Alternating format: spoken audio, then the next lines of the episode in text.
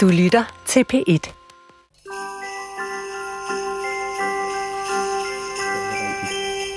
Jeg tror, at den måde, vi snakker om fremtiden på, er afgørende for den. Det har en stor effekt, og hvis vi ikke har håb for den, er den svær at kæmpe for. Håber vi ikke på, at fremtiden er grønnere, at der vil eksistere mere ligestilling? Vi nærmer os med hastige skridt den 24. december og dagen, hvor Eva skal holde sin juletale. Jeg har reddet mig en vaskeægte vinterforkølelse, og Eva har skrevet et løst udkast til talen, som hun gerne vil præsentere mig for. Men midt i oplæsningen ringer det pludselig på døren. Ligestilling, klima, krig. Jeg har slet ikke tålmodighed til. Oh, lad os lige holde Det er ringet på døren. Det er Rune Asmussen, Evas yngste søn, som kommer uanmeldt på besøg. Hej. Hej. Kom indenfor. Tak. Er det mig, der siger det? Det er fordi, jeg næsten bor her. Ja, det er rigtigt. Det har jeg godt hørt i nogle radioprogrammer, du gør. Hej, Alberte. Hvor hyggeligt, at du kommer. Ja. Det gør bestemt ikke noget, for Rune er ligesom Eva jurist, og jeg er nysgerrig efter at høre, om det faktisk er en fordel at være søn af en kendt juraprofessor. Øh, Rune, du er jo også jurist. Ja, det er Altså, hvor mange børn har I egentlig, der er jurister, Eva? Tre. Faktisk de tre børn, som Ole og jeg har fået sammen, Nå. er jurister. Ej, det er vel ikke noget tilfælde, vel? Det ved jeg ikke. Prøv, du må spørge Rune. Ja, jeg spørger Rune. Altså, det er jo helt oplagt at blive øh, jurist, Rune, ikke? Er det ikke det? Mm, Med de to forældre, du har? jo, det kan man selvfølgelig godt sige. Altså faktisk var- så det som om ingen af os skulle læse jura. Nå. Fordi at Ida begyndte at læse dansk, og, øh, og jeg ville gerne læse statskundskab.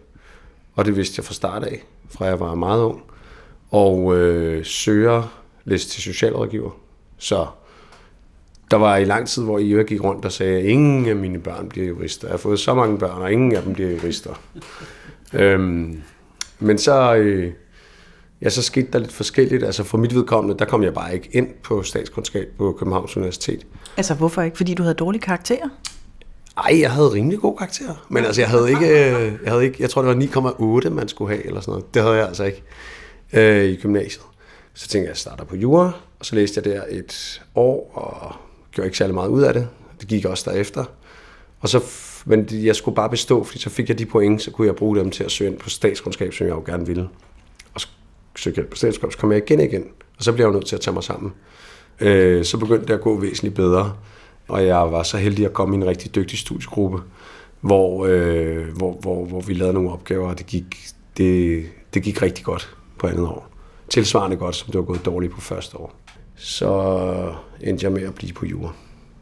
Så du bliver altså øh, jurist ved et, næsten et tilfælde. Ja, men, det, men det må have åbnet nogle døre at være søn af Eva Schmidt, ikke? Ja, det kunne man godt tro, men det har faktisk virket omvendt. Altså det har været... Øhm, det har været noget, jeg har gået meget, meget, meget stille med dørene med, fordi at, øh, jeg fandt hurtigt ud af, at det, det virkede helt omvendt. Øhm, altså på første år, hvor jeg ikke gjorde så meget ud af det, der, øh, der, blev jeg, der blev det kendt som, der er sådan en gammel juridisk anekdote med noget med æblet, der f- falder ikke langt fra stammen, det gør pæren, det er der sådan en længere anekdote omkring. Mm. Og der var, det var jeg så et levende eksempel på den der med, at pæren jo faldt langt fra stammen, mm. i og med at jeg klarede det så dårligt. Mm. Så så var det ligesom historien.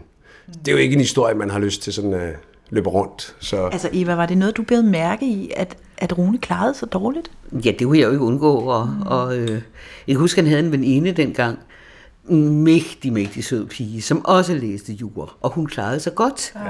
Og jeg kan huske, hun sagde til mig, åh, bare jeg dog kunne give en af mine gode karakterer til Rune.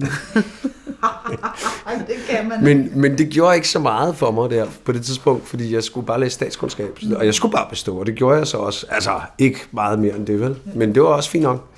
Øhm, men så, øh, så skete der det på andet år, der tog jeg mig sammen, og så var historien jo bare, jamen det er jo bare, det må, altså når han klarede det så dårligt først, det må være, fordi han får hjælp af sin mor, der kan jo ikke rigtig være andet. Har, hjalp du ham?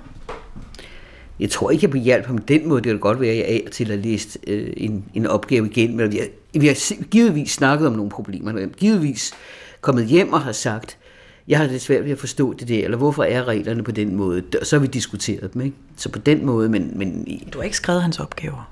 ej, jeg har ikke skrevet hans opgaver. Nej, nej, og der var, jeg var oppe i tre fag, og der var et af fagene, som Eva vidste særlig meget om, som jeg talte med hende om. Men de andre fag talte jeg ikke med hende om. Altså, Men ligegyldigt hvad, var det jo en uheldig historie, og det sagde meget om det der med, at man bliver dømt på forhånd, uanset om det er positivt eller negativt, uanset om det åbner nogle døre, eller lukker nogle døre, eller der bliver talt godt om en, eller der bliver talt skidt om en, så er det, der er jo ikke noget, der er jo ikke noget fedt ved at blive forfordelt på nogen måde. Man vil jo bare vurderes på lige vilkår som alle andre.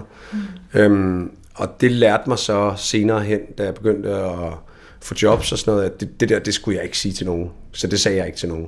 Fordi jeg gad simpelthen ikke, at, at det gik mig bedre, end det ellers ville være gået på grund af Eva, eller det gik mig dårligere på grund af Eva, end det ellers ville være gået. Så jeg tænkte bare, det skal jeg bare ikke sige til nogen. Altså, så du har holdt hemmeligt, at din mor er Eva Schmidt? Ja, jeg har faktisk prøvet nogle få gange, når der kom nogen over til mig, jeg ikke kendte, og spurgte om... Altså, jeg havde det held, jeg har et andet efternavn. Mm. Øhm, det gjorde det jo nemmere at skjule det, kan man sige. Men øh, så er jeg faktisk løjet. Altså, jeg sagde, nej, men det er hun ikke. Det er ikke min mor. Du har hørt det, det er ikke rigtigt. Øhm, det har jeg prøvet nogle få gange. Vidste du godt det, Eva? Nej, det vidste jeg faktisk ikke. Det var indrømme, at du, at du ligefrem fornægtede mig. Jeg håber ikke, hanen galede.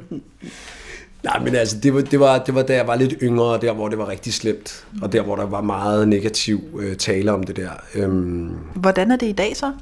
Jamen nu er det helt anderledes. For det første så, altså, jeg er advokat, jeg er ikke universitetsjurist. Øhm, for det andet så, inden for det, det speciale, jeg har, øh, der har jeg ført en del store sager, og derfor så bilder jeg mig ind, at folk godt ved, hvem jeg er, og kender mig for, for noget fagligt, som, som ikke har noget med hende at gøre. Derfor så gør det ikke noget nu, at de, at de også ved det.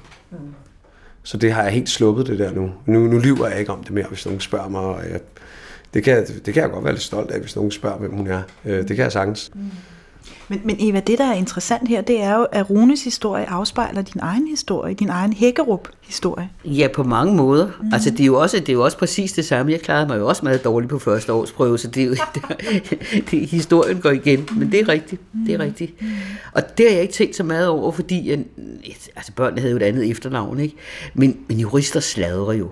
De elsker jo altså tage på til, til sådan nogle ting. Hey, vidste du at, bla bla, ikke? Altså, det, øh, og det havde jeg ikke tænkt så meget over, at, at det var noget, man, man gik op i. Men det er der nogen, der gør. Mm. Mm. Rune, altså, øh, hvis man nu øh, lige sætter en parentes om studiet, hvad synes du så egentlig, du har lært af din mor om det at være jurist, og det at arbejde med de øh, emner? Mm, jeg tror ikke, jeg har lært så meget jura, hvis jeg skal være helt ærlig. Jeg tror mere, jeg har lært nogle... Er det, passer det? Har du ikke lært din søn jura? Hvad med de der tirsdagsmøder? Ja, men de tirsdagsmøder var jeg ikke så meget med til. Jeg var lidt for ung. Øhm, jeg har været med til nogen, men ikke så mange. Men jeg tror, øh, altså det som Eva jo altid har gået meget op i, det er det der med hensynet bag reglen. Altså man ikke så meget skal... Altså hvis man skal tænke i... Hvis du får en juridisk problem, så er der altid noget, der tæller for og imod.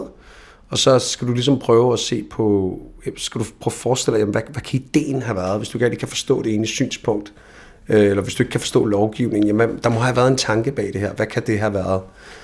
Det har hun, altså det tror jeg er noget, alle jurister skal lære, men det har jeg måske lært lidt tidligere, eller fundet ud af lidt tidligere, end andre har.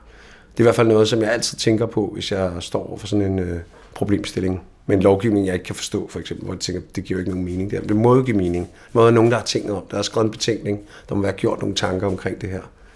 Er, er, er det egentlig usædvanligt for jurister at have den indstilling? Altså, at de ikke bare accepterer reglen eller loven, men ligesom tænker, det virker mærkeligt det her. For det er, jo, det er jo noget, du også har beskrevet, Eva, at du har haft som en rettesnor, ikke? eller no, en, no, no. en rød tråd i dit ja. arbejde. Kan det passe det her? Er det rimeligt? Ja. Hvad går det ud på? Ja. Er det usædvanligt? Jeg ved ikke, om det er usædvanligt, men jeg kan da huske, at jeg... Øh, altså, en af grundene til, at jeg klarede det så dårligt på første år, det var, at altså, først så beskrev jeg juraen, og så den anden halvdel af opgaven, der beskrev jeg, om det var rimeligt eller ej. Og det er noget, hvor man virkelig kommer i skammekrogen på jura. Altså, som de der undervisere sagde, altså, verden er pænt ligeglad med, hvad en eller anden øh, 0. års jurastuderende synes om, hvad der er rimeligt med en eller anden øh, med et eller andet specifikt resultat. Altså, det er jo komplet irrelevant. Altså, det trækker så meget ned, så, så selvom det, du har skrevet, er udmærket, så resten, altså, det der trækker det så meget ned, så det bare, altså, det, det, det lærte jeg ret hurtigt, at det var, det, var, det var ret uinteressant, hvad jeg synes om det. Det skal man jo putte ind i en mere retlig ramme, mm. og bruge nogle mere juridiske argumenter, før man kan begynde at tale om øh, rimelighed. Mm.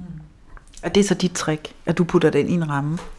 Ja, det er det jo nok, ikke? Ja, det det. Men, øh, øh, og det, men, det, det har jo men det er i princippet også, det samme, du gør. Ja, og det har Rune jo også lært. Altså, det kan jeg jo høre. Altså, nu når han procederer for højesteret og sådan noget, så er han jo god til at, mm.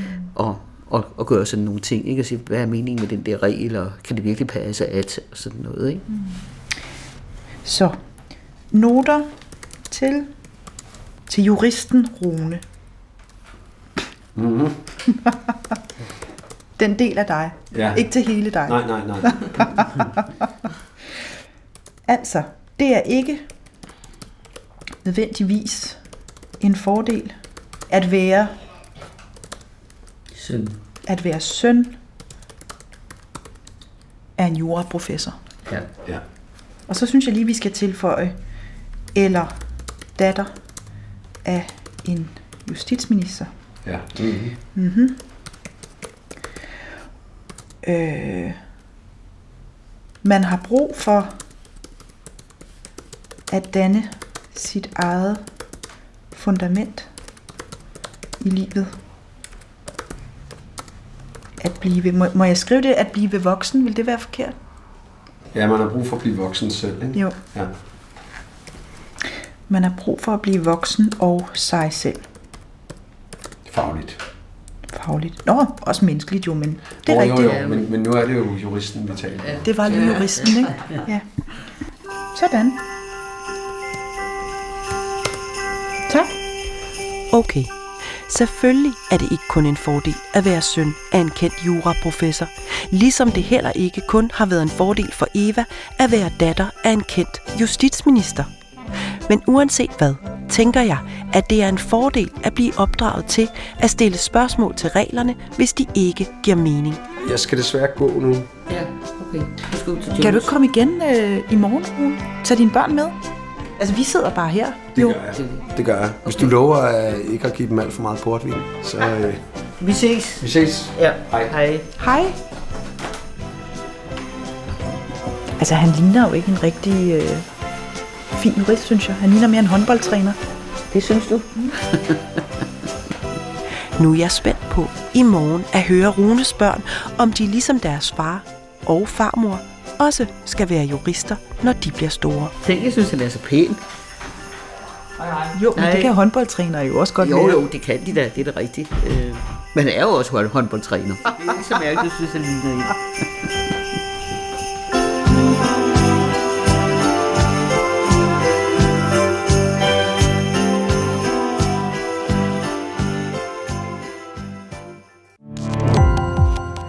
Gå på opdagelse i alle DR's podcast og radioprogrammer. i appen DR Lyd.